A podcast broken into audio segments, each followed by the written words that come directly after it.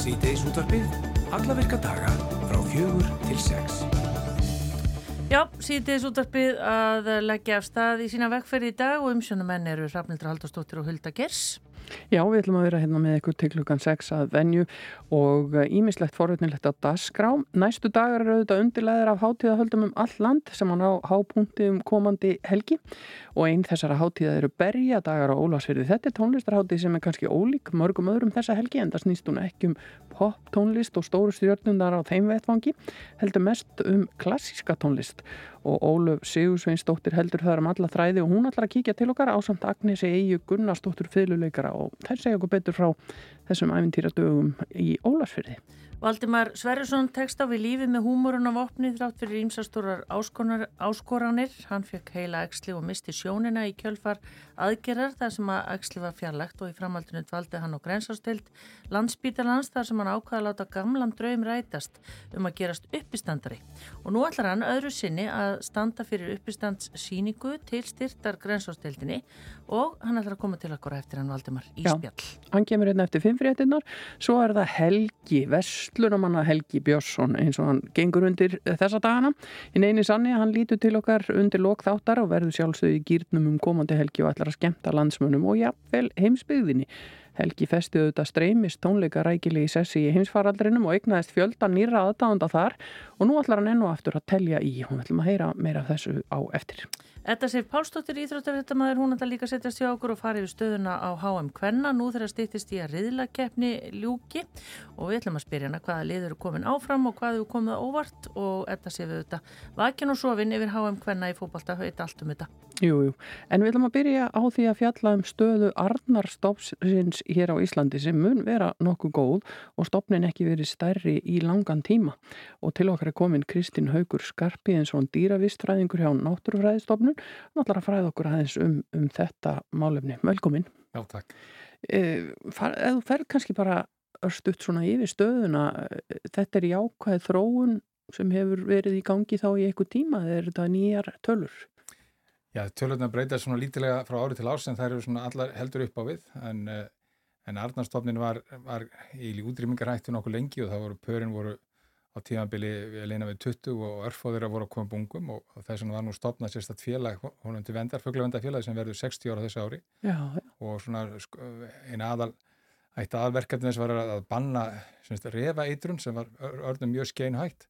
Og í kjölfarið þá fór örnum Arnarstofnunar rétt og kútnum svona um 1970 þannig að, þannig að, að hann hefur fjölgað úr innan við 20 pörum í yfir 90 pör á þessum 60 árum sem félagi starfaði, hefur starfað og, mm. Og það er semst eru kannski ekki nema hluti þeirra sem kemur úr bungum álulega en, en samt er varpi núna í ár með, með allar mestamóti, það eru semst um helmingu paran er munga og, og það er reyndar er eðlegt fyrir svona langlífa tegund að, að varpi sé ekki alltaf gott en fer taldið eftir árferði. En örnir er viðkvæmur, varpi stendur lengi yfir, þeir eru að undirbúa varpi í mars og, og ungarnir verður ekki fleiri fyrir í ágúst. Já. En þegar þú segir refa eitrun, voru þeir þá að geta eitrið sem að ætla að refa? Já, það var nú það sem þið gerðu, það var semst að refa eitrið var nú bara sett út í hroskrokka eða eitthvað þínlíkt, þannig að það voru hrafnar og ernir og fleiri skeppnir sem að, sem að urðu eitrun að bráðu, var, þetta var svo kallar strikning sem var nú bráðdreifandi. En þú talar um langlífa tegund, hvað verða ernir gamlir?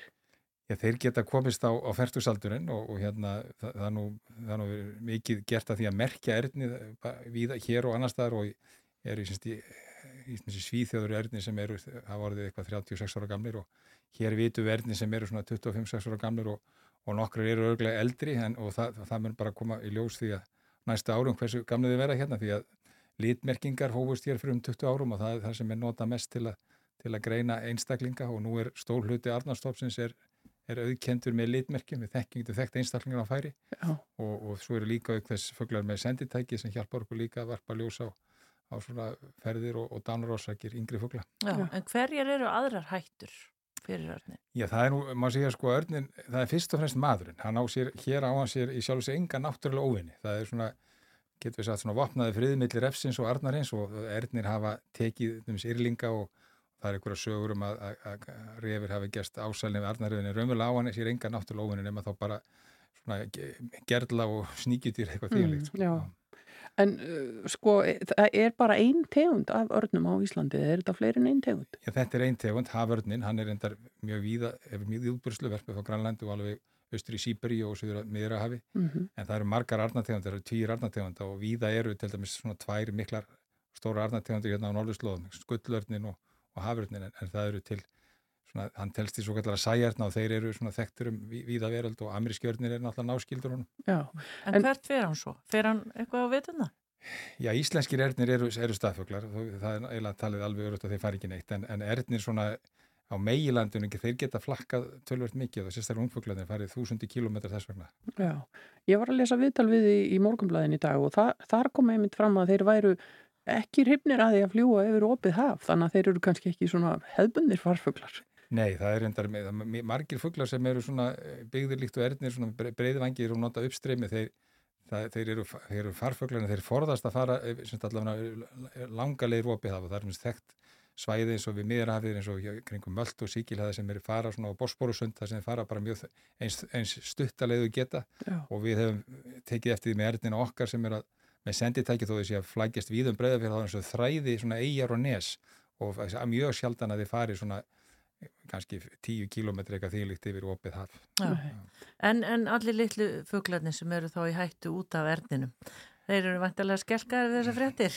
Já, það er, það er náttúrulega sko, ef örnum væri náttúrulega óðbáslega algengur og þá væri það náttúrulega ekki goða fréttir en, en hann er nú svo sjálfgefur og, og þá hann síðan þurftafregur og, og þá er hann, það sem er að taka svona hverju tegund er eitthvað sem er alveg óverulegt og skiptir engu máli. Við getum nefnt dæmið sem, sem svo æðarfuglin sem er náttúrulega mikil að fæða.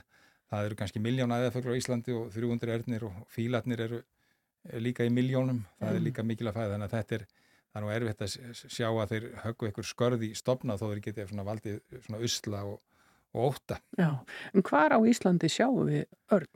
Já, það var nú bara, dóttið mér hindi nú mjög með áðan og var hérna bara upp, á, upp í kjós og sá örn svið við sig, þannig að Já. það er enda þeir, og þeir sjást hér í Reykjavík og allir með þessi sendaföglar sem við höfum verið, þeir hafa verið að fljúa hérna yfir Östubæin bara nokkur reglulega, þannig að það er, ef maður lítar til heimist, þá gæta mér aftur vona á að sjá örn nokkuð víða, raunverulega um alland, en þeir eru algengastir hérna vestalans, svona frá kvalfyrðu og norður og vesturum í Húnarlóa. Já, en ég meina komaði fljúaði látt eða hún hefur náttúrulega alin upp hérna, dóttir þín, þú náttúrulega fór ekki á milli mála hjá henni, hvað var það á færðinni? Já, þeir geta náttúrulega oft flóið með hátt sko, en þeir eru náttúrulega það stórir fugglar að, að menn sjá það með berum augum á löngu færi. Það eru svona erfitt að ruggla þess að við aðra tegundir. Já. En er ekki einhverjar hérna, flökkusögur að þeir grípi fisk úr ánni eða Jú, það, geta jú, þeir það? Jú, jú, þeir geta, geta sko, þeir taka bráð sem er svona einhver kíló og það er hins vegar til svona sko tröllasögur um það í taki sko, sko miklu þingir bráð og þannig að frægast er þess að sögur um, um blessuð börnin sem eru örnum að bráð og, og stór luti þeirra eru náttúrulega svona bara þjóðsögur en, en það eru náttúrulega menn trúa þessu og, og það eru engin, að mínum að engin örgdæmi er nefnir af nokkuð tíma tekið börn þó að, að sögur þessu er mjög margar og það bara hreinlega passar ekki við En getur þeir tekið lítið lömp? Þeir geta það alveg og þeir gæta alveg tekið lítil börn, sko, svona unga börn. En, en þessi börn sem þeir hafa tekið eru bara oft nokkuð stálpuð og, og mörgur sem þingri heldur en það sem örnir ræði við. Já, en hva, hverju svona spáið því svona með framhaldið ef allt gengur vel? Já, það hefur náttúrulega hérna, semst ef að, að framheldur sem horfir og þá mun örnir vantilega nema land svona víðast hvar það sem hann var áður fyrir og þá er ég að tala um bara all lálendið hérna í kringum Ísland þó, sé, þó að fjaran sé hans helsta fæðisvæði þá er, og hann verður alltaf velgengur á Vesturlandi þá, þá má búast það að sæki á Östurland og Suðurland svo framvegist þannig að hann, mun, hann geti þess að stofning geti auðveldlega tvöfaldast á næstu áratögum með að við svona það búsvæði sem hún er stendur bóða. Já, en er ekki mikilvægt að við þegar við erum svo heppin að sjá örna að við séum ekkit að hafa sneittið að reyna að komast að hreyður með bara látan í friði? Jú, það er nú einmitt mjög uh, góð regla sko að hérna, erðnir átti vel vita menn álgast reyðu, þeir, þeir svona gaggað manni eða gelta og það fer ekki mellir mála að maður er eitthvað tröflan, þannig að það, þá veit maður, þá er hann bara að segja manna að hérna, koma sér í burtu og það er röfulega gert ráð fyrir því í lögum að menn sé ekki að fara reyðurinn með sérstökuleg nema, þá einhver brínanauð sem byrja til og þetta er nú stóruleita virst nokkuð vel, þannig að Þannig að það heyri núna til algjörlega undatekninga að erðin verði fyrir svona vísvitnandi tröflunum. Já, en myndum við ná í heyrin? Er þeir ekki með þau eitthvað stöð þannig að við náum ekki ströðilega vangað? Já, það er nefnilega einn hérna, goðsögnin að hérna heyrin séu svona óagengil og það er Nefnilega núna voru í ár voru 65 arnarheður sem við vitum um og þar eru, voru fjögur sem ég tristi mér ekki í. Nei. Þannig hinn eru mjög aðgengileg sko. Já. Og yfirlt eru, stundum eru, eru þau öll mjög aðgengileg og það er þeir verpa jáfnvel bara á þannig sé að líku við á bara lálendi, sléttlendi það sem er, e, e, þannig að þeir þurfu ekkert mikla kletta þó þessi stundum valdir að sjálfsögðu. Já, en uh, þið eruð að vakta örnin uh, sérstaklega, það er bara ákveðin svona ákveði vinnulag með það? Já, það er, það er, er löngkæð fyrir svona fylgjast með örnum og það, það reyna er yfir hundra árum, meirinn hundra árum sem menn fóru skipulega að sapna upplýsingum um örni.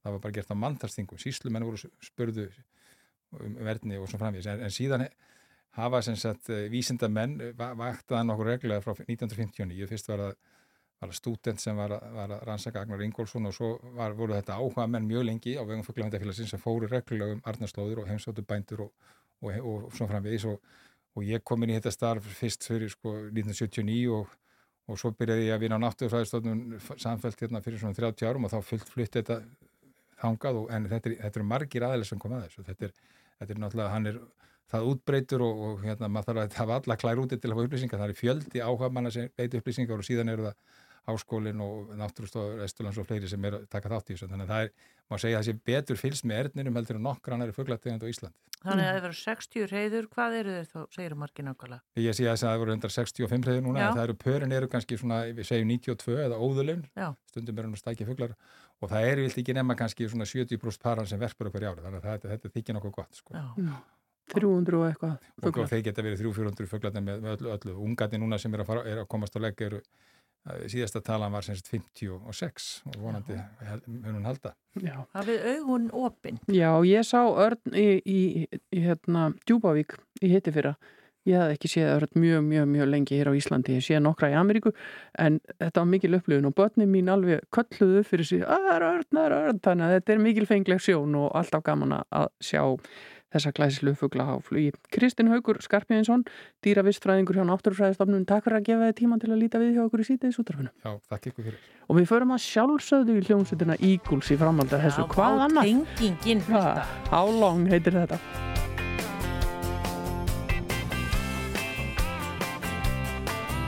Like a blue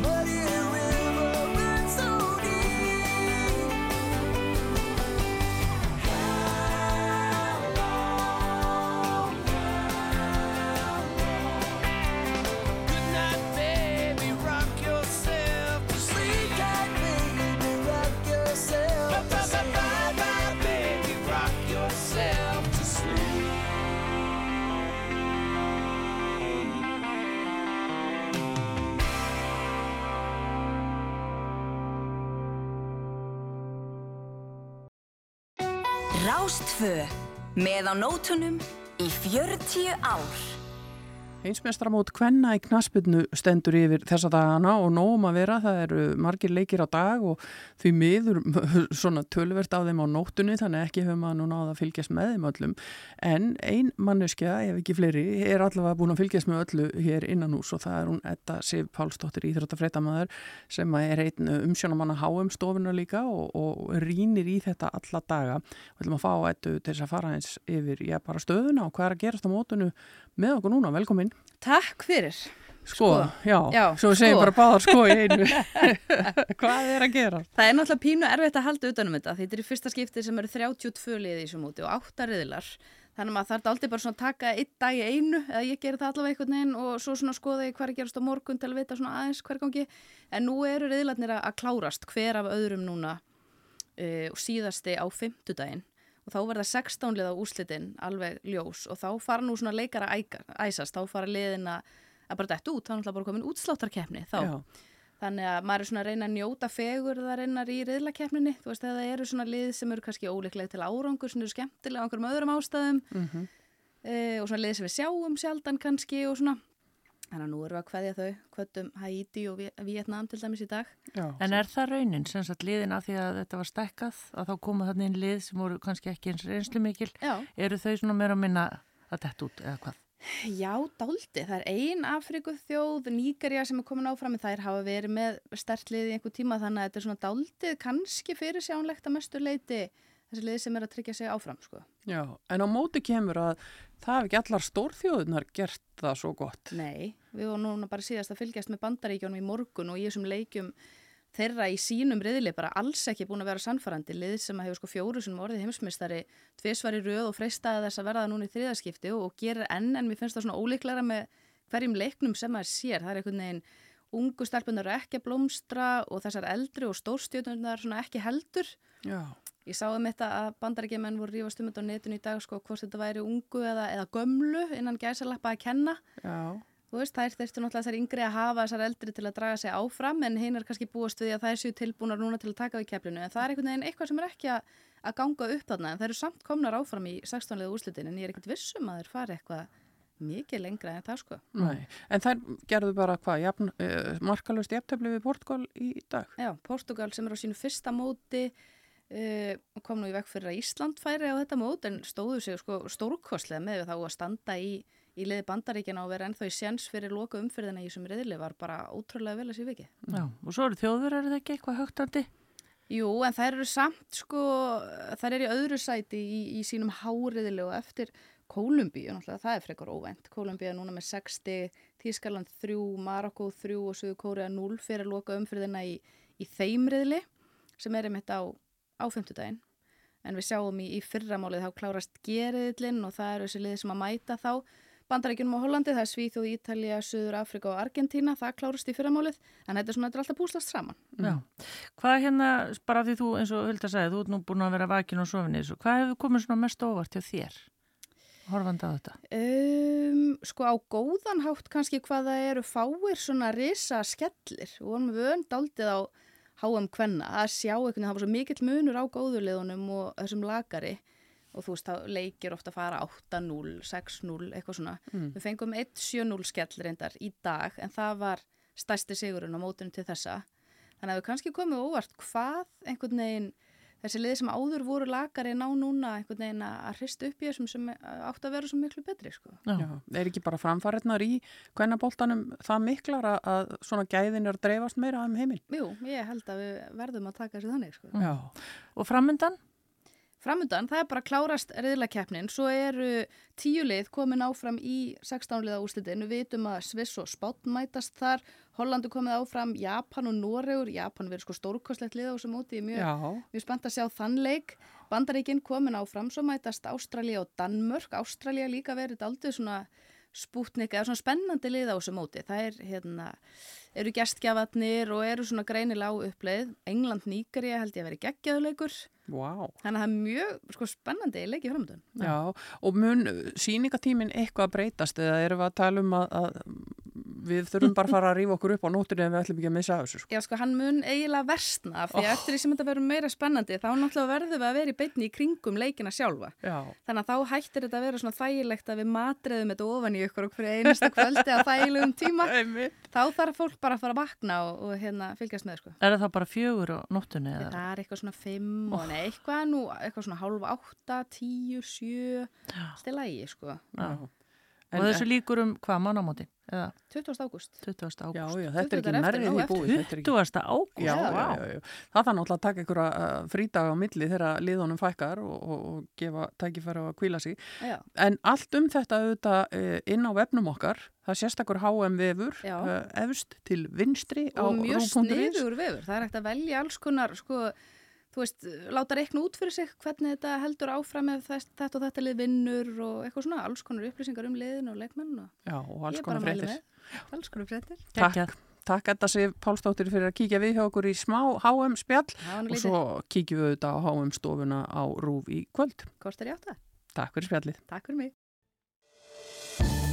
Síðdeisútvarfið Á Rástvöð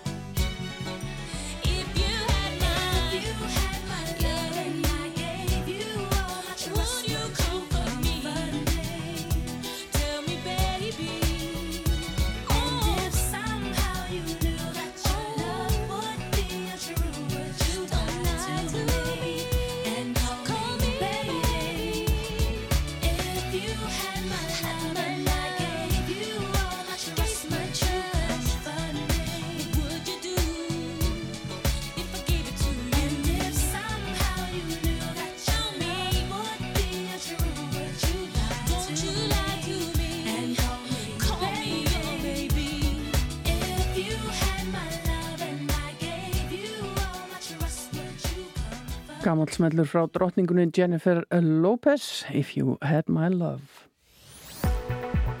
Veðurhorfur næsta sólaringin. Ertu búin að kíkja hjá að veðri? Heddi? Já, ég er aðeins að skoða þetta. Það er hérna frábært veður í höfuborgin í dag og það er svo gaman sko maður byrjaði morgun, já þetta voru svona grár dagur en svo bara reyf hann af sér og það bara brast á með þvíligri blíðu og ég sé að það er líka gott veður á Akureyri og svona á Vesturlandi er, er viða hlýtt og þetta svona 14 og upp í 18 gráður Uh, og spáinn framöndan, það var nú eitthvað viðtal við viðfræðing í háttegisrættunum og sagði sko það eru sólgleru og kannski hérna ekki gúmistífil, gúmiskór kannski um vestlunum með helgina. Eitthvað, eitthvað bland í póka Já, en það er sérst uh, hérna, kannski aðeins of langt í það. Spáinn er svona allavega hérna inn á veður.is norrlæg, norrlæg breytilega á 3-10 metrar á sekundu það verður kvassast vestast og svo verður skíja köp, með köplum á landinu í dag skúrir inn til landsins en súldið að þókulátt við norður og austurströndina. Og svo skíða mest og lítið sátt að væta norðan og austurlands á morgun skúrir sunnalands en bjart viðri um landið suðvestanvert, þannig að það er aftur gott viðri inn á morgun. Mm. og hiti 8 til 18 steg og hlýjast suðvestanlands. Þannig að uh, ég fór á hjóli í vinna Já. og ég hjólaði gegnum Elladalinn og til dæmis hérna nýri Elladal þar sem er verið að opna kaffehús og það er fólk láð þarna á teppunum. Já. þetta var bara eins og bara uh, bestu baðströnd. Æði, bara svona eins og alminni skarður í útlöndum. Já, ymmit Þetta er dásamlegt, þetta er nöðsulegt fyrir okkur að komast í svona grænsvæði og, og gott veður, þetta já, gefur okkur kraft í, í, í sálina, ekki spurning. En uh, sem sagt alls konar veður í kortunum, við værum náli til í að fá eina góða hellidembu svona yfir nótt. Ertu þá ekki hugsa um gróðurinn? Jú, Já, alltaf. Já, Ah, en, það er það, nefnilega málið. en það er orðið þannig, ég er nú búin að vera að heyra í, í bændum á Suðurlandi og, og mönnum líst ekkit alltaf vel á heifengin í ár. Nei, ég trúi því. Það hefur Það ekki má verið góð spretta. Já, ha, það er annarkort eða. Einu sinni ringdu við í kaf hérna eitt sumari mann vel eftir því, já, en nú myndum við alveg vilja hafa svona meira blanda af þessu. Já. Svo ætlum við að tala um berjadaga og því ég veit að það þarf að regna til að verði góði ber. Já, En berjadagatinn sem við erum að fara að tala um þau tengist ekki berjum ég veit ekki. Við, við, við fáum að vita það eftir smá stund að setjast inn hjá okkur tvær og, og ætla að fara yfir berjadaga í Ólasverði sem eru framöndan eina mörgum hátíðum um næstu helgi. En við ætlum að fara í eh, nýtt frá honum Birki Blæ. Þetta heitir Thinking About You. Og höldum svo fram hér í síðeinu eftir augnablík I'm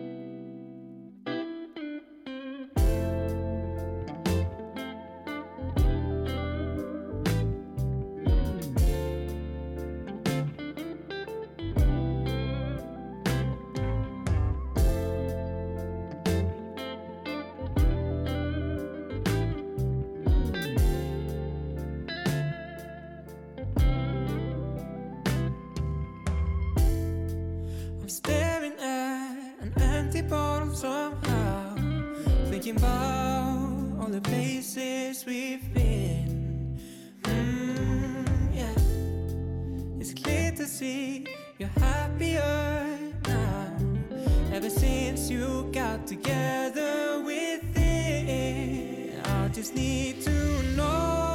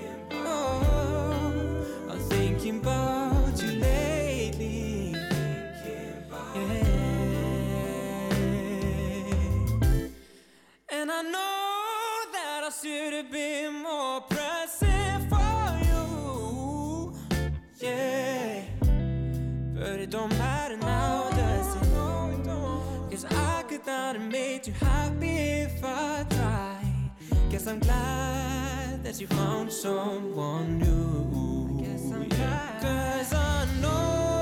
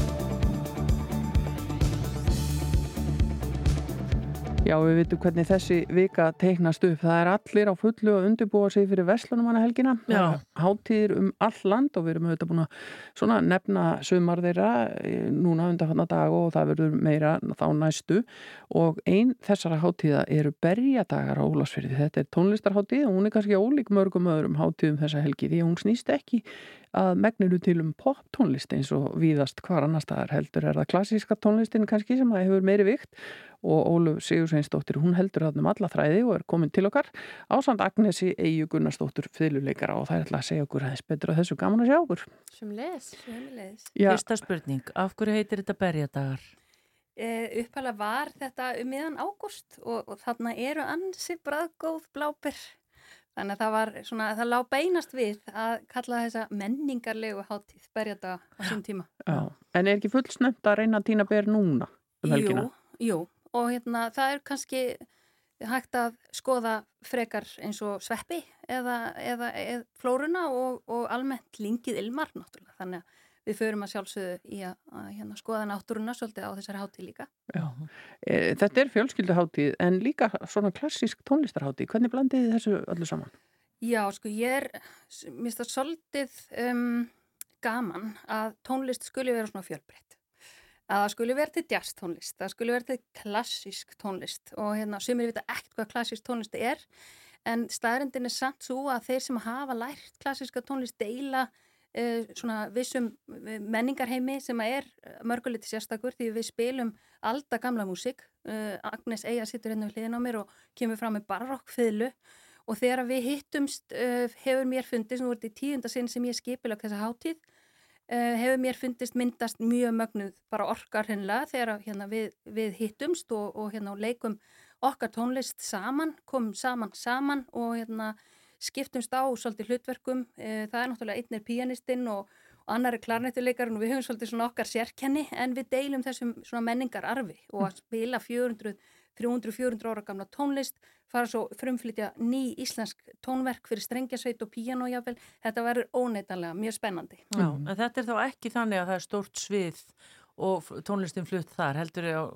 hvað, Nei, við, við erum að spila á akustísk hljófæri þar að segja að við spilum á, í tónleika sölum og hérna njótum okkar í Ólafsara kirkju og Ólafsara kirkja er einstaklega falleg bygging og einnig menningarhúsi Tjarnaborg sem er menningarhús fjalla byggðar, Siglufjörðar og Ólafsfjörðar og hátíðin stendur undirmerkjum líka fjalla byggðar því að Mm. þetta er Þetta er óneitanlega hérna, frábært tónleikahús sem að þarna stendur og hægt að nota náttúrulega núna, bara nú síðast á sábúkulumótinu, Já, þannig að það er mikið notað þetta og hús. stutt á milli, þannig að þeir sem eru á syklufyrðir er ennlega enga stund að Já, skjótast. já. Já. Þetta er mikið hátíðasvæði. Já. Já. Agnes, hvað ætlað þú að gera á háttíðinni?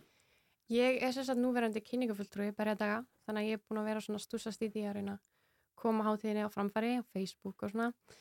Um, og svo er ég svo heppin að fá að spila líka og eins og Ólu nefndi þá ætla ég að halda svona barokk tónleika um, á fyrsta hátíðakvöldi Mm. berjadaga, fymtudaginn þar sem ég spila með Solveig Tórótsen hörpuleikara. Ég ætla að flytja ítalskar barokk sónutur og einmitt þessa viðfrægur sónutur sem að heyrist í hérna, morgunútvarpi rásar, rás 1 Já. segðu mér Já. eftir Já, bíber Já, steðina sillu eins og við myndum kalla það hérna. sem er náttúrulega frábært ekki allir. Já, ég menna Sigurlu Margrét án og aldrei marga aðdándur þannig að hann var að reikna með því að hlustendur rásar eitt fjölmenni til að heyra þig spila þetta svona formlega. Spurning og það verður sko leikið á barokk hörpu með sem En- er ekki, heyrist ekki á hvernig deg. Sko barokk fiðla og barokk harpa, er þetta Tengist þetta aldrei hljóðfærana eða er þetta eitthvað sérstök típa hljóðfæri? Já, þetta tengist aldrinum. Þetta er rauninni bara þannig sé venjuleg fiðla eins og hún var áður hún breyttist örlitið og var svona móten fiðla. Um, strengirnir eru öðruvísi og hérna svona pínu bygging hljóðfærisins líka.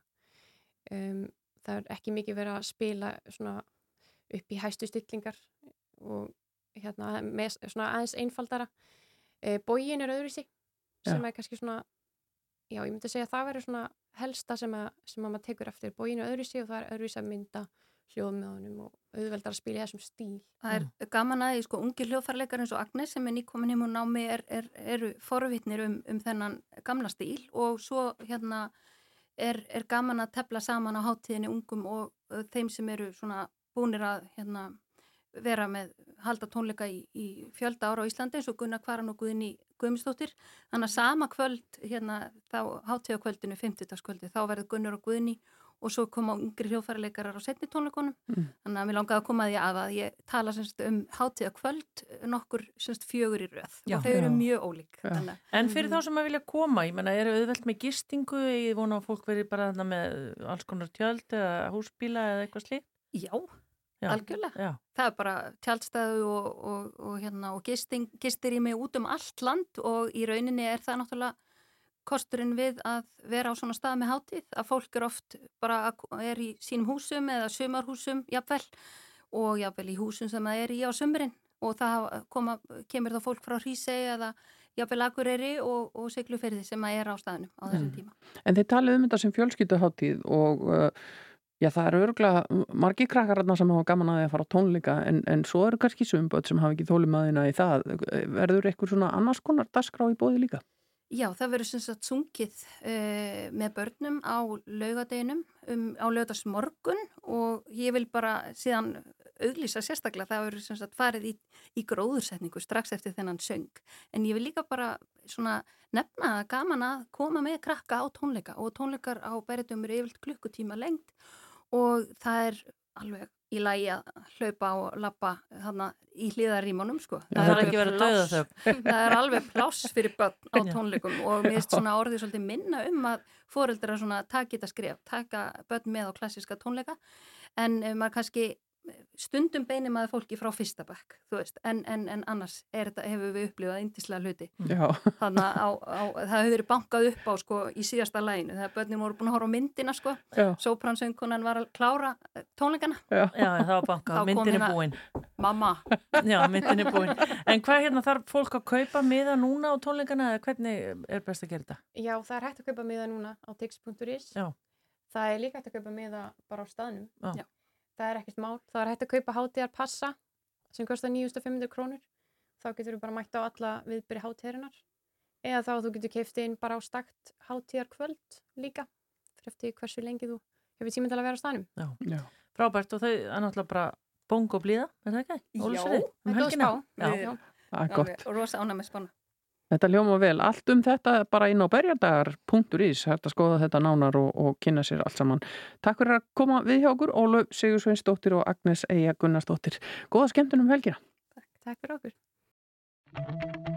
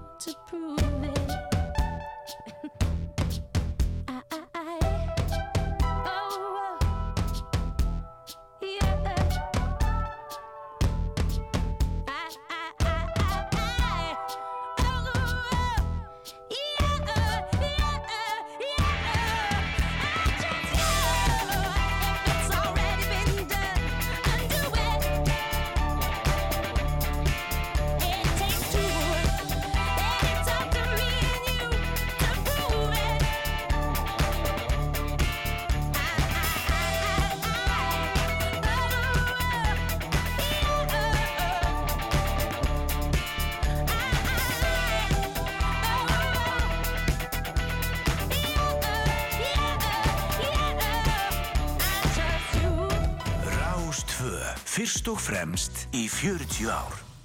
Jú, jú, við erum hér í sítiðisútarpinu á Rástöð. Þetta var hljómsveitin uh, Gossip með gamlan smell sem heitir Heavy Cross.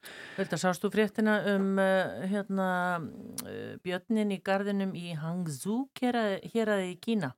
Ég sá bara einhverja fyrirsögn og, og svona þess að eitthvað vera að væna eitthvað um að vera þetta bara í búningi að leika björn. Já, en nú er búið að finna það út að það er af og frá að þessi björn Angela sé maður í búningi en þegar maður sér myndina og ég hvet fólk nú til að kíkja Já, en svona raskrumpaður eitthvað, eins og búningur.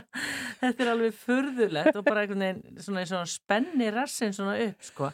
En hérna, þannig ég, maður ímyndir sér að það hafi verið auðvelt að trúa því sko. Já, En það er búið að læga þessu á, internet. Ég vissum að hann að ef að allir fanna væri hjá okkur í dag, þá hafði hann kannski fjallað um þetta. Þannig hugsalega tekið þetta fyrir. Já. Það hefur búið að vera mörg svona bjarnar-vídeó í gangi undanfatta daga. Björn að henda sér hún í sundlaug út í garði í Kaliforníu og, og byrnir á trampolínum og, og svona hér og þar. Og, og, Það er alltaf skemmtilega frétti þegar maður sér allt, þú veist, um kannski einhvern ömurleika, þá kemur eitthvað svona. þá kemur einn ein björn til bjargar. Já, ömmett. En hérna framöndan hjá okkur, hann ætlar að setja hjá okkur eftir fimm fréttinnar, hann Valdimar Sverrisson, hann er meðal annars uppistandari og ætlar að halda síningu núna í næstu viku til styrtar grensásteild sem hefur seint honum meðal annars, heyrum allt um það hérna á eftir.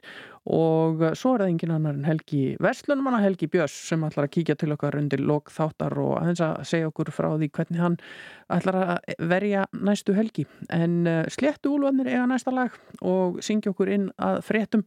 Þetta heitir Ég er ennþá þessi astni sem þú kistir fá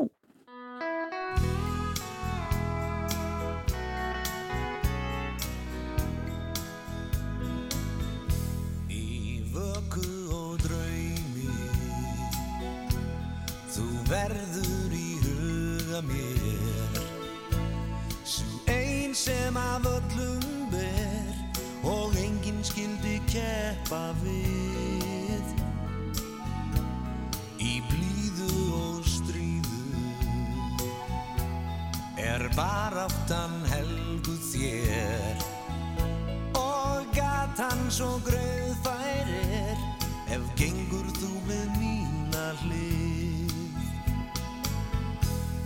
á ferð gegnum lífið. Svo fjölmart að höndum ber. En eitt þó við eigum hér sem ekki virðist hakast neitt. Nú húmar að kvöldi. Ég horfi í augu þér. Já, það undur er Hver árin hafa litlu breytt. Hún er enn sem fyrr Ekkert getur hakkað því. Þessi gamla ást sem alltaf verður fersk og mín Þú er stelpan sem Kistir unglingsræfil sem var alveg frá. Ég er ennþá þessi asni sem þú kistir þá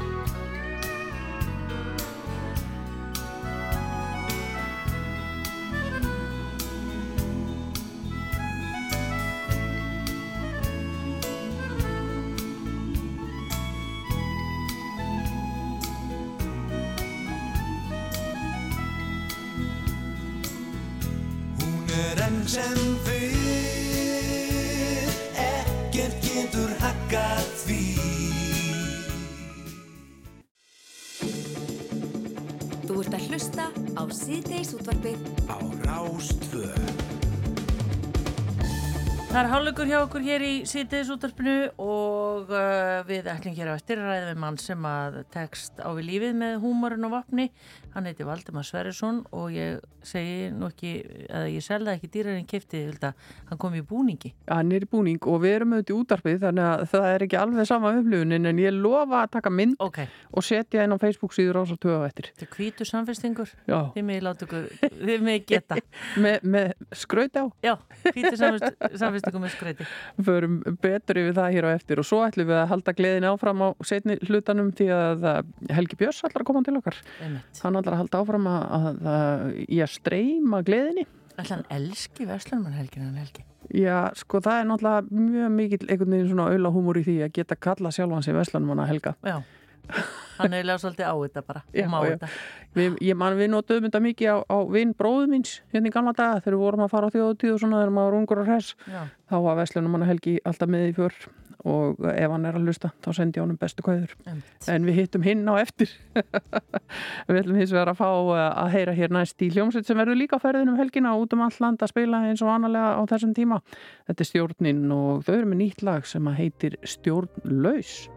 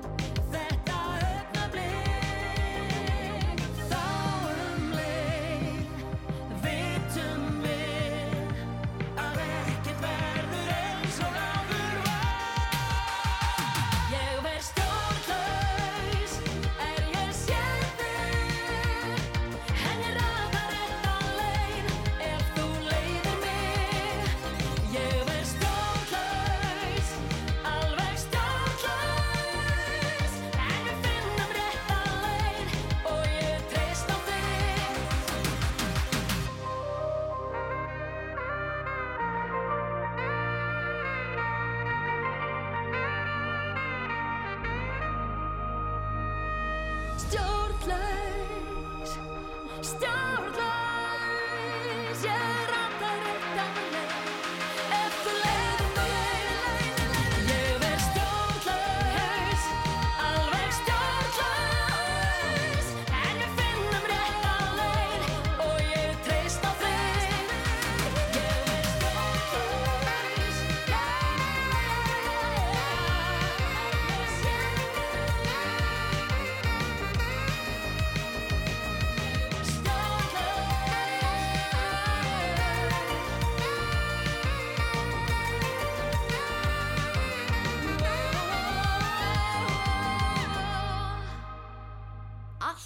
Helsta.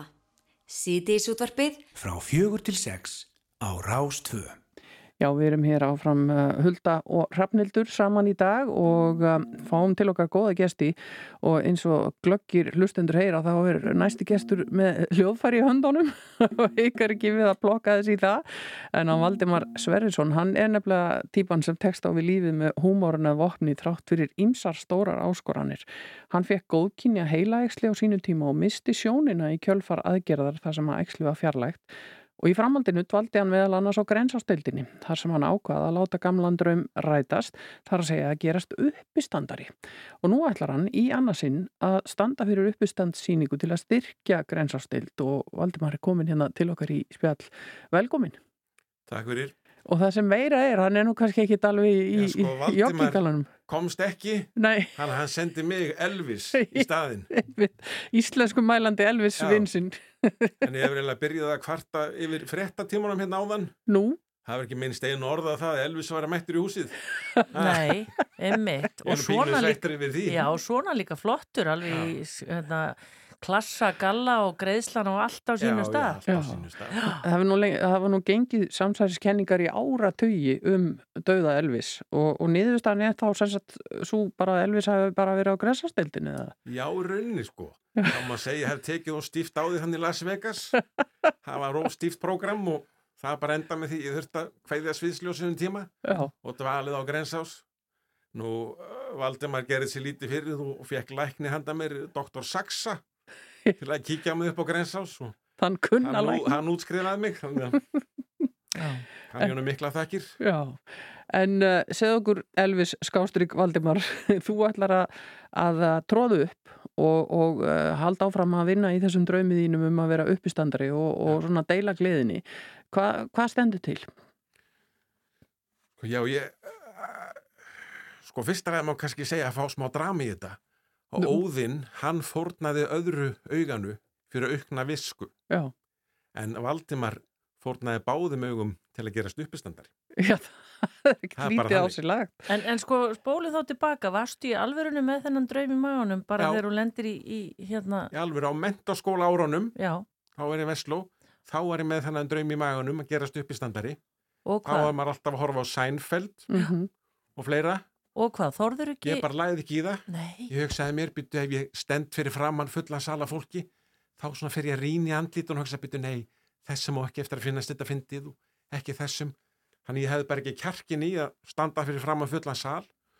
Nú, svo þegar ég lendi því að ægsliði fjarlægt og ég missi sjónina, þá hugsaði ég mér, byttu, nú sé ég ekki áhörundur. Þannig að þá skiptir þetta engum mál. Var bara láta vaða. Láta vaða. Og þú er búin að prófa þetta? og auk þess já og auk þess uh, fekk ég mitt eigið efni ef svo maður segja því að því að ég var á grensásteildinni þá byrjaði ég að semja mitt eigið efni. Bara svona út frá blindun og reynslunni sko. Og það var sko skondið. Móði minn tók eftir því þá var að heimsækja mig, ég var stundum að segja eitthvað svona skondið og þannig að hún hugsaði svo málið og var svona tvístíðandi hvort hann ætti að nefna eitt við mig. Mm. en nefndi svo við mig, uh, Valdimar ætti ég kannski að koma með tölvi þegar ég heimsækiði næst ég segi byrju tölvi til hvers nú þá getið punktað niður það svo þetta að segja og ég er náttúrulega bara að leita á hann og svo væri eitthvað skrítin Já. nú móðið mér fer svo bara heim til sín og nú daginn eftir er hún heima hjá sér og hugsar með sér en nú valdi maður einn upp á grensós hún lítur að leiðast, ég þarf að drífa mig til hans í heimsókn Heyrðu, hún er valla búin að helsa mér þá hún kemur hún að grensás því ég spyr mamma, ertu með tölvuna? Já. En ég var bara, bara að taka af fram fyrir þá sem kom á sýninguna ef þeim finnst einhverju brandar að vera lélegir eða ít skiljanlegir þá er það hugsalega vegna þess að móði minn hefur pikkað og vittlust inn. Kennum hennum. En hvað hérna bara svona aðeins að þessu ymitt að ég menna að þú valla vaknaðir Valdimar hlæjandi eftir aðgerina? Nei, nei, nei. Nei. Langt í frá sko. Og ég náttúrulega held fyrst, maður held fyrst í þá vona að þetta væri bara spurning um einhverja daga Mhm. að sjónin myndi kikka, kikka inn aftur Mhm. þegar maður slettir. Og svo náttúrulega líðu dagarnir og sérfræðingar að skoða mann og ekkert að gerast. Og þá fyrir ég náttúrulega að hugsa byrja ég og konu og börn og lærður ljósmyndir og kvikmynda og maður og allt þetta. Mm. Þú veist, ég get ekki verið blindur. Og ætlaði svona bara að fara að leggjast í þunglindi. En svo hugsaði byrja ég fæ nú ekki sjónina við það að leggjast í þunglindi.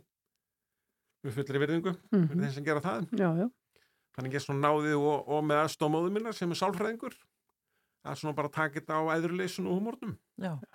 Hvað er mörg ár síðan að þetta gerist? Það eru átt ár. Það var í júni 2015. Já. Og, og líf þitt gjörbreytt í dag frá því sem það var fyrir þess aðgerð? Já, já. Algjörlega, sko. Já. En starfar við, ég er í rauninni starf ekkit við nema bara eh, skemmta endurum og eins. já, en, en blindir geta gert allt, þeir geta starfað við ímislegt. Jú, jú. En hvað? Nei, ég er svo sem, það er bara svo mikið að gera hjá með öðru. Já. Já. Haft tíma til að skoða það. En þú hefur samt ekki, þó þú sér kannski ekki í fullu starfi eitthvað staðar, þú hefur einhvern veginn ekki látið þetta stoppa þig bara frá því að lifa lífinu í að lifandi með stóru ölli, sko. Já, já, nei, nei, maður reynir bara að gera það sem maður getur og ég og þrjár dætur og ég hugsa líka maður bara vera góð fyrirmynd fyrir þær Mm og svona, já, gera það sem maður getur og, Já. og En- svo maður til gaman sketa að mér var uh, að búið að bjóða mér að vera með fyrirlestur í Þískalandi í november næstkomandi að ráðstefnu sem heitir Mental Strength. Já, já. þar sem ég muni segja svona frá uh, reynslu minni og já Og er, er, verður Elvis með? Búin að bóka með það fyrir hann? Nei, reyndar ekki. það er ennþá tími til þess að skoða það. Já, jú. En, en sko, grensástildin, þú ætlar að styrkja hana og, og þér er hún hugleikin. Þú, þú væntalega, Já, ég þau, þau hafa hjálpað þér mikið þarna. Já, jú, ég heit aldrei það eru nokkra vikur á sínum tíma Já. og þau svona hjálpuðu mér aftur á fætunar því ég, eins og ég segi sko eftir aðgerna þó ég hef ekki trúið ég hef mér sagt það fyrirfram að ég var bara eins og sprungin bladra og ég þurfti bara að læra að lappa upp á nýtt og allan pakkan. Já. Hvernig er fyrir uh, blinda, hvernig er bara aðgengi og, og annað uh, í samfélagin í dag fyrir okkur sem þekkjum ekki, ekki neitt þá er erfitt að átta sig á því? Er auðvelt fyrir því að komast um eða eru allstaðar hindranir á veiðinum? Nei, það er bara gengi ágætlega sko. Því náttúrulega oftast er einhver meðmanni Já. til aðstofðumann. Þannig að það svona hefur ekki, Það hefur ekki stoppaði frekar en ekki annað. stoppað mig sko, nei, nei. Og svo þekktur einhverja leiðir frá því áður? Jú, hvað? jú, og svo er maður alltaf lært nýja leiðir. Nú er ég fluttur í, í hús blindrafélagsins í Hamralíð Mm. og þá var maður alltaf kend leiðin út í bakaramistaran. Já. Það hefði var- sinna kosta og galla, sko. En viltu koma einhverja framfæri þá við- varandi nágrann á trommusettið? Já, ég spurði- Hulda spurði hérna áðan hvort þú væri enn að spila á trommur. trommur. Já. Ég, ég segist það á trommar nafninu til og eftir ég fluttin í Hamraliðina þá var með lána trommusett en ég hef verið mjög hóvar við að spila á það hinga til, sko. Já. Það er það svona, kannski sækjum leifi hér með til að fá að taka aðeins meiri kjöðuna. Þegar þú ert í fjölbíli þá er kannski, kannski ekki, ekki vinsalisti maður sá sem hamrar á trommur allan. Það er kannski þetta semjum ákveðin æfingatíma. Já, já. En uh, þú gastu þá við þessa miklu breytingu á þínu lífi uh, eins og nefndir áðan, þú lærður ljósmyndari og áhuga maður um kvikmyndir og ýmislegt annað. Hefur þá geta fundið bara svona einhvern veginn þínum áhuga málum annan farveg eða tekið upp alveg nýja hluti? Hefur einhvern veginn geta Ég svo haldið í eitthvað? nýr hlutur en að gæslapp er náttúrulega uppi standið sem dæmi. Mhm. Nú svo náttúrulega hlusta maður mikið á, á tónlist og hljóðbækur. Nú ég fer einstakar sinnum í bíó, Já. hlusta á bíómyndir. Já, Síðasta myndin sem ég, ég sá, að ég er svona bara leggaði vann að mann tala vanalega, sko. já, að það var á ferð með mömmu, Já, já. Já. alveg stórkosli mynd. Já. Hvernig, og, og þú sérð fyrir þér bara allt sem er að gerast í myndinni, eða hvað? Já, eða þá móðu minn fór með mér, sko. Já. En svo gefur til kynna á ferð með mömmu, sko. Einmitt. og hún hefur kvíslaði hún bara kvíslar eða er eitthvað sem Já. ég, sem að þú getur þá ekki skinn ég ekki út frá hlustun, sko. Já. Einmitt. En svo ég tek alltaf dæmið, þú veist, ef einhver læðist inn í eitthvað herbyrgi og tekur eitthvað og lappar út aftur, sko. Mhm. Þá náttúrulega kannski heyrir maður það ekki. Nei. En það getur verið gaman að, að það eru ýmsar myndir sem að byggja rosalega mikið á hljóði. Ég heyri til dæmis, ég er reyndar ekki búin að fara að sjá Oppenheimer myndina, en mér skilst að hún sé það sé gríðarlega mikið lagt í tónlistina og hljóðhönnunina á þeirri mynd og, og það væri kannski foröfnilegt fyrir okkur sem ekki erum blind að, að prófa að fara í blind bíó og upplifa þetta þannig. Já, já. Já. Þetta er magnað. En segðu okkur uh, sýningin hvar og hvenar og hvernig... Já, sýningin verður í Hannesarholti og bara koma framfæri þakklæti til Hannesarholts. Að með salin endurgjaldslust og allur ágóða síningunni rennur beinti grensástildarinnar Mm. þannig þetta er semst á 50. kvöldi 10. ágúst klukkan 8 og það eru miðar á tix.is og fólk getur bara, sagt, þetta er kannski tilvalið svona þegar út að, að rúlla þið niður eftir verslunum hana Já, helgina. Og svona áður en að skólanir byrja og allt þetta að fara eina, eina góða síningu og þetta var svona blanda af uppistandi og það sem ég kalla grín myndbönd. Já, það sem ég fengið svona eina ímsa fræga einstaklinga til að leika á móti mér. Já.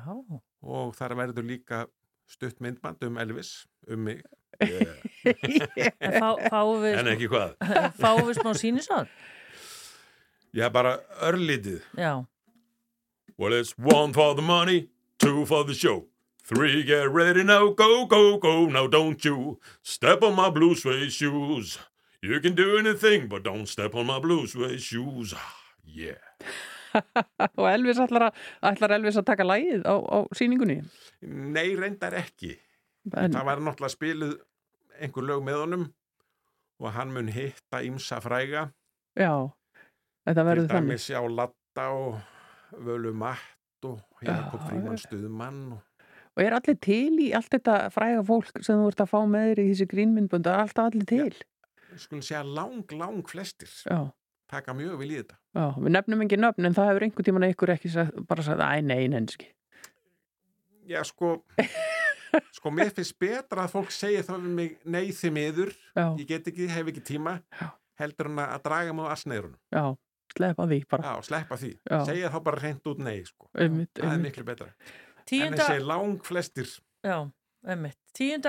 ágúst og þetta er allt saman inn á tix.is. Já, svo verður náttúrulega að koma auk þess mun ég hlaupa 10 km Reykjavíkumarathonu Já, það gat verið. árið í röð Vel það er gert. líka til styrtar grensás þannig að þeir sem sjá sér ekki fært að mæta á síninguna þeir geta styrt hlaupið Já. en á hlaupastyrkur.is er Krafturinn í þér maður.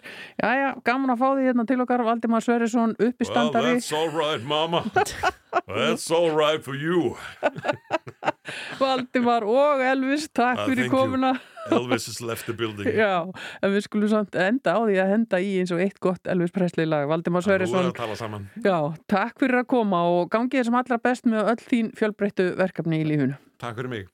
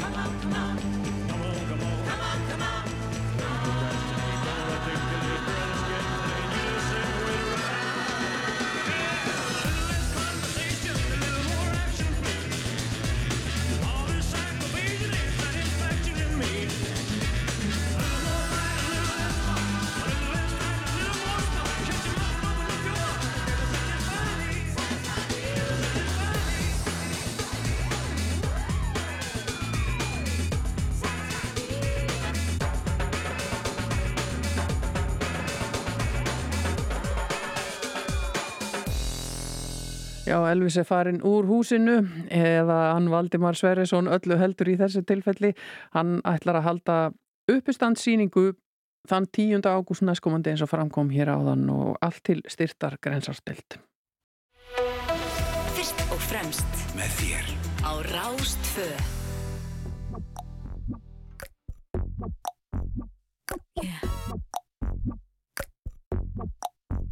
Baby, don't make me spell it out for you.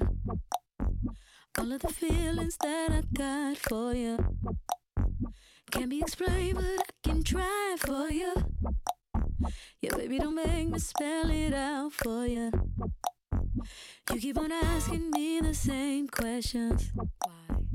And second guessing all my intentions. Should know by the way I use my compression that you got the answers to my confessions. It's like I'm powerful with a little bit of tender and emotional sexual bender. Mess me up, yeah, but no one does it better. There's nothing better. That's just the way you make me feel. That's just the way you make me feel. That's just the way you make me feel. So good, so so fucking real. Uh-huh. That's just the way you make me feel. That's just the way you make me feel. That's just the way you make me feel. You know I love you, so please don't stop it. You got me right here in your jean pocket. Laying your body on the shag carpet. You know I love it, so please don't stop it. It's like I'm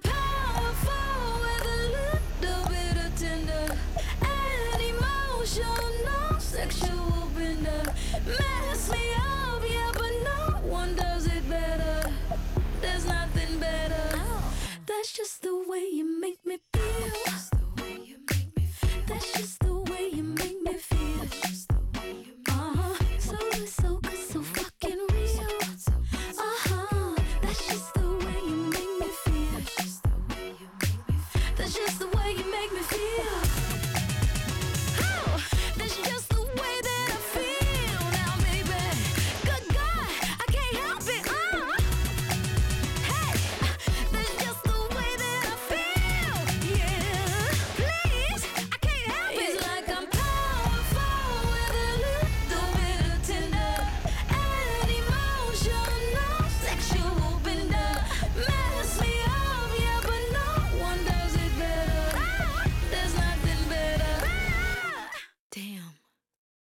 just the way you make me feel. That's just the way you make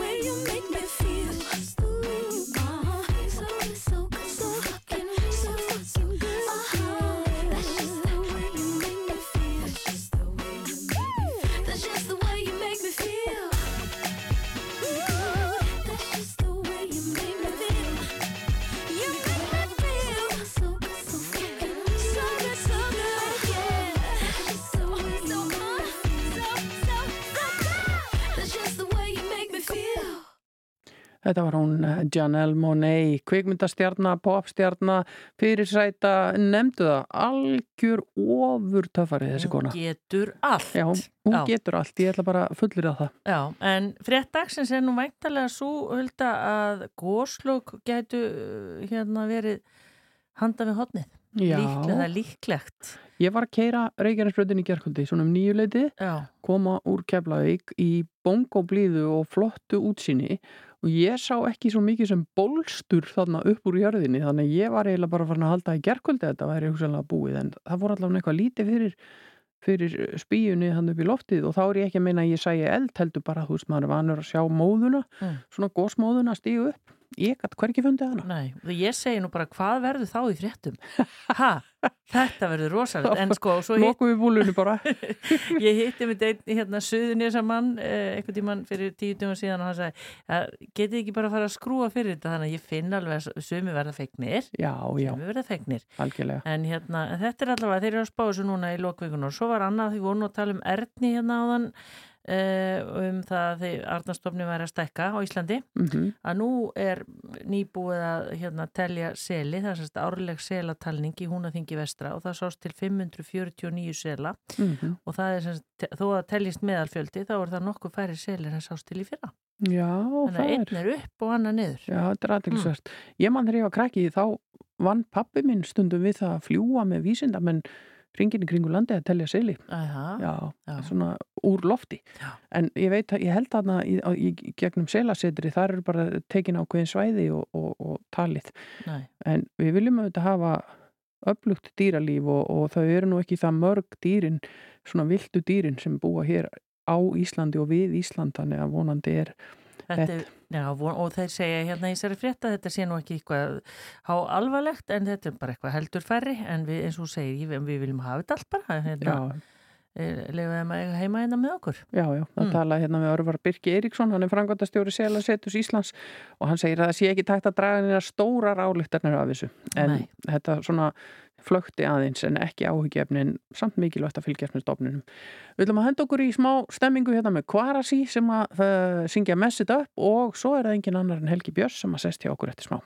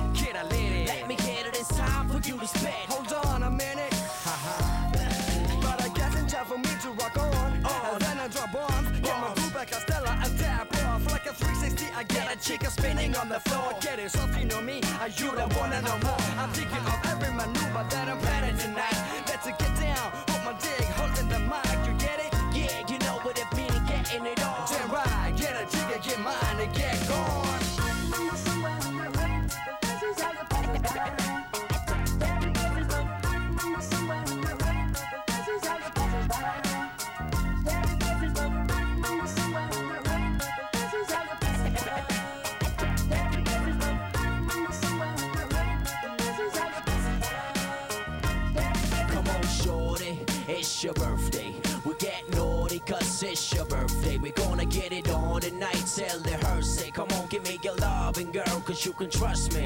Plus, my, you're my girl, you fly. And why, you're wild, would I pass you by? And even I'd ever let you go. I realize, girl, you ain't no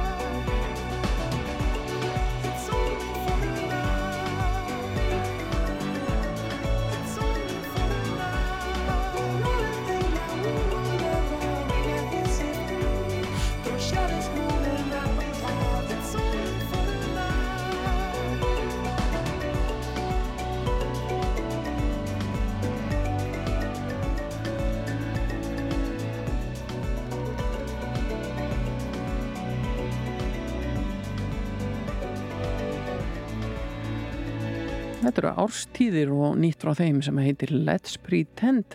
Svona kveður aðeins við annan tón í þessari músikjáðum heldur en ofta áður en virkilega flott, flott pop hjá árstíðum. Og talandum pop þá hefur við þetta fengið bara hér konung popsins í hús. Það er engin annar en Helgi sem núna þessa vikuna gengur undir nafninu Verslunumanna Helgi Já, Björnsson. nákvæmlega. Velkomin. Já. Ég veit það, alveg ótrúlegt. maður. Já, við vorum að tala um það hérna áðan þegar við vorum að kynna það að þú ætlaðir að líta við hjá okkur og þú hefur þetta bara settir þetta svona koncept þess að streymis tónleika festir þetta algjörlega í sessi í COVID, í heimsfaraldrinum Jú, og bjóst þér til bara ábyggilega fullt af nýjum aðdóðendum og, og, og svona fólk sem að bara fannst þetta dásamlegt að Já, geta verið heima hjá sér í sínu umhverfi en samt á tónleikum með með veslunum hana Helga Einmitt.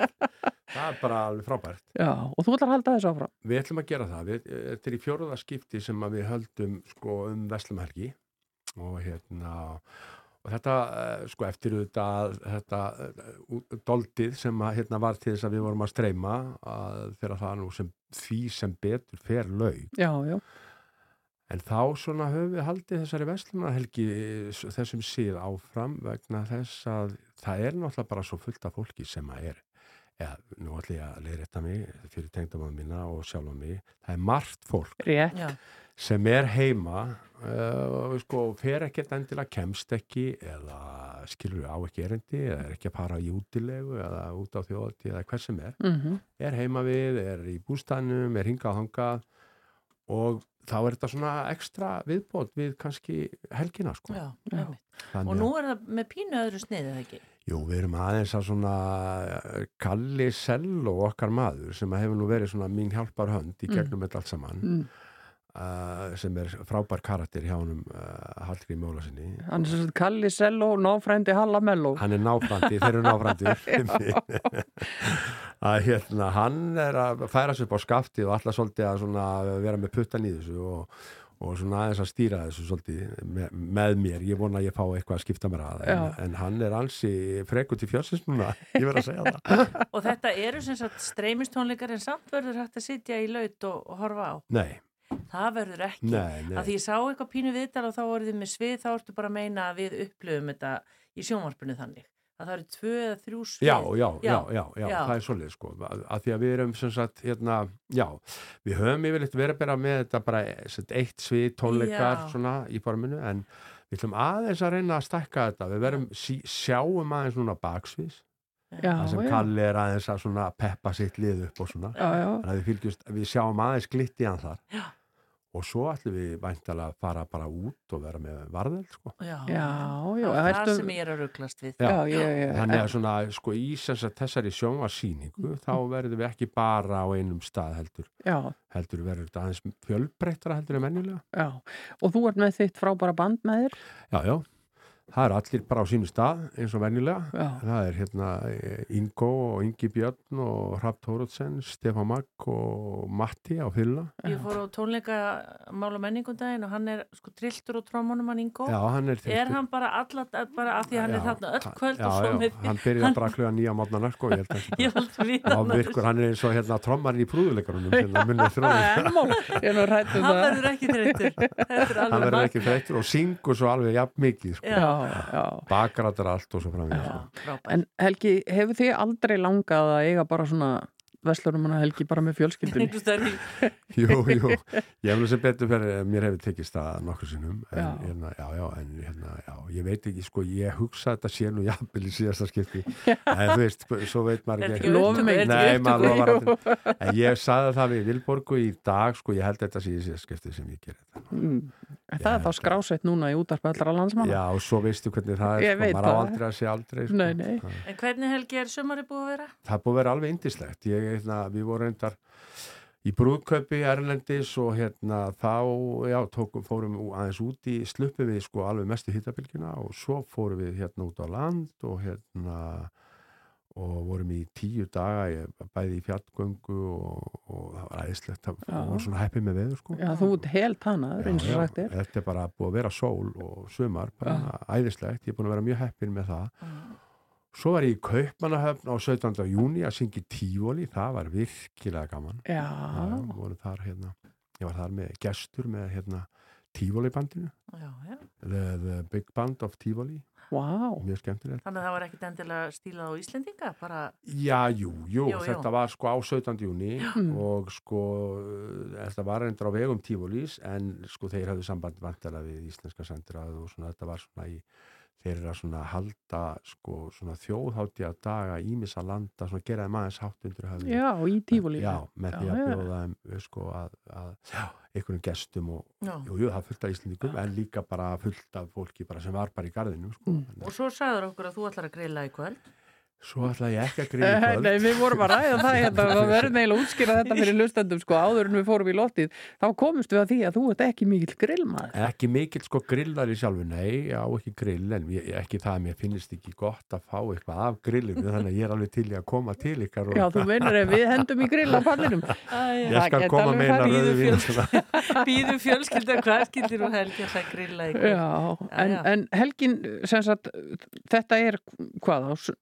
hvað þetta er hvað, á, lögadaskvöldi, klukka nýju og, hérna, og þetta er svo einfalt orðið, það er svo skemmtilegt við þetta að þú fer bara ja, sko, á, veitu, eða, á li- myndlíkiliðin Já, hvort sem þú ert með, uh, Vodafone eða Síman. Nú eða ef þú ert bara að fara í gegnum tölvuna þá getur þú farið bara inn á helgibjás.is og þá bara er þetta tvær heimgar, búm, búm, búm. Já, þetta er bara smellur og smellur já, og, og já. eitthvað svo leið. Og byrjar hvenar? Þið verðum búin að grilla. Byrja, byrja klukka nýju þegar þú ert búin að grilla já, já. Já. og hérna, já og Tvo tíma eða? Já, já. Já, Við höfum verið svona, já, nei, já, já, maður veit aldrei. Sko, þú er að kottnungum maður. Já, Ég var að já. horfa á Bruce Springsteen fyrir nokkrum Já, dögum, já, einmitt. 73 ára, Já. spilaði þrjá tíma. Hann er frábær. Já. já, ég trúi því. Þannig að hérna, já, ég ætla. Við gefum ekki tóma eftir Nei, nei, við gefum ekki tóma eftir. Ég verð alveg pottet í tvo tíma. Ég veit sko. að Ígó getur Nálægt tómað því. í þrjá tíma. Ég ætla að lofa, ég ætla að lofa því að ég verð allavega mjög nála tveimur. Þetta verður eða vetur helgibjörns.is, Já. bara á heimasíðuna. Eða voddin hjá símanum og Eða bara, Vodafone. já, Vodafone eða símin. og er þetta klink? Það kostar ekki nýtt. Kostar ekki neitt, sko. Nei. Ha, fjögur og nýju. Já, maður hefur eitt öðru eins í vittlisu skal ég segja ég þér. meina, veistu hvað pizza kostar þú pantar eina pizzu? Ég var að það eitthvað. Ha?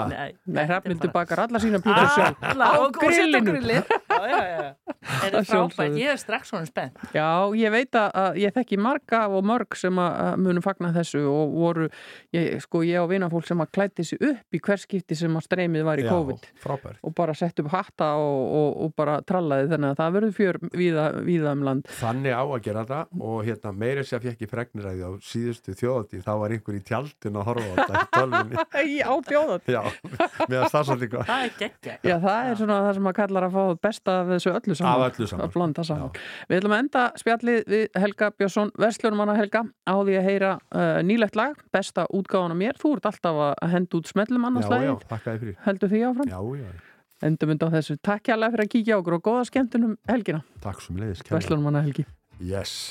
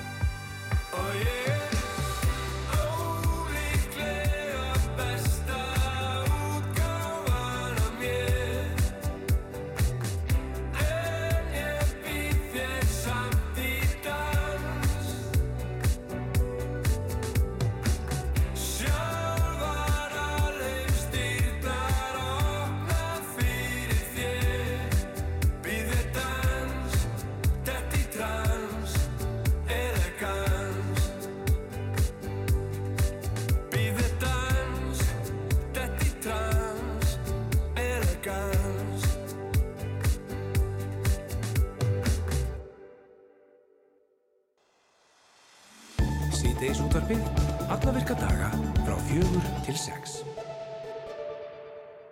Já, það er bara að verða komið að lokum hjá okkur hér í sítiðsútarfinu. Vorum að kveðja Helga Björnsson sem að er að gýra sig upp fyrir Veslunumanna helgina. Þetta er skemmtilegt. Mér er best að sagja hann að einhverju þjóðatíð hafi verið með þetta í tjaldi að hlusta á Helga Björns, það er geggja. Maður veit ekki alveg hvort bara að tólka það sem svona einhvers konar diss á þá sem voru þá að spila á þjóðatíðinni eða hvort þetta er eins og, eins og við sögðum að fá það besta úr báðum heimum eins og sagt Já. er á ennsku, En best of svona- both worlds. Já, en svona er nú teknin í dag. Já, þetta getur maður. Ég man alveg eftir að, maður án vel ekki segja frá sjúdvarpinu en ég fór á svo óbærilega leðilega tónleika fyrir nokkrum misserum í hörpu að ég og vinkonum mín vorum farin að horfa á byggar og slittarleik í fótbolta í símanum á milli sætara. Nei, vá, Svona er þetta er tæknin, maður. Þetta er tæknin. En við svo sem vorum bara að horfa, við vorum ekki með hljóðið á, við, Nei, nei. við vorum nú Já, já. smeklar en það sko. Já, já, gott hjá okkur. En, en þetta gerist nú ekki oft. Nei. við ætlum hins vegar að fara að kveðja Já, og ég ætla að þakka fyrir mig. Já. Þetta er síðasta síðdeis útvarfið á mér. Ég er búin að vera hér í aflýsingum síðan í júni. Já, ekki, þú ert búin að vera svo góð, Hulda, þú getur ekki. Já, Þú ert í þú smá meinar. frí núna og svo kemur aftur bara. Ég reyndar skal viðurkenna það að það hefur verið alveg einstaklega gaman að fá að sofa út í sumar. Já. Ég skal viðurkenna það. Já. En uh, útvarpið, síðdeis útvarpið verður á sínum stað á morgun. Þú, þú fleitir þessu uh, skeri, eh, fleitir ekki á skeri, Nei. stýri skútunni. Yes. Við ætlum að enda í dag á lægi og þetta er gamalt og gott með hljómsdinn U2. Heitir Where the Streets Have No Name. Takk fyrir að hlusta. Það gott.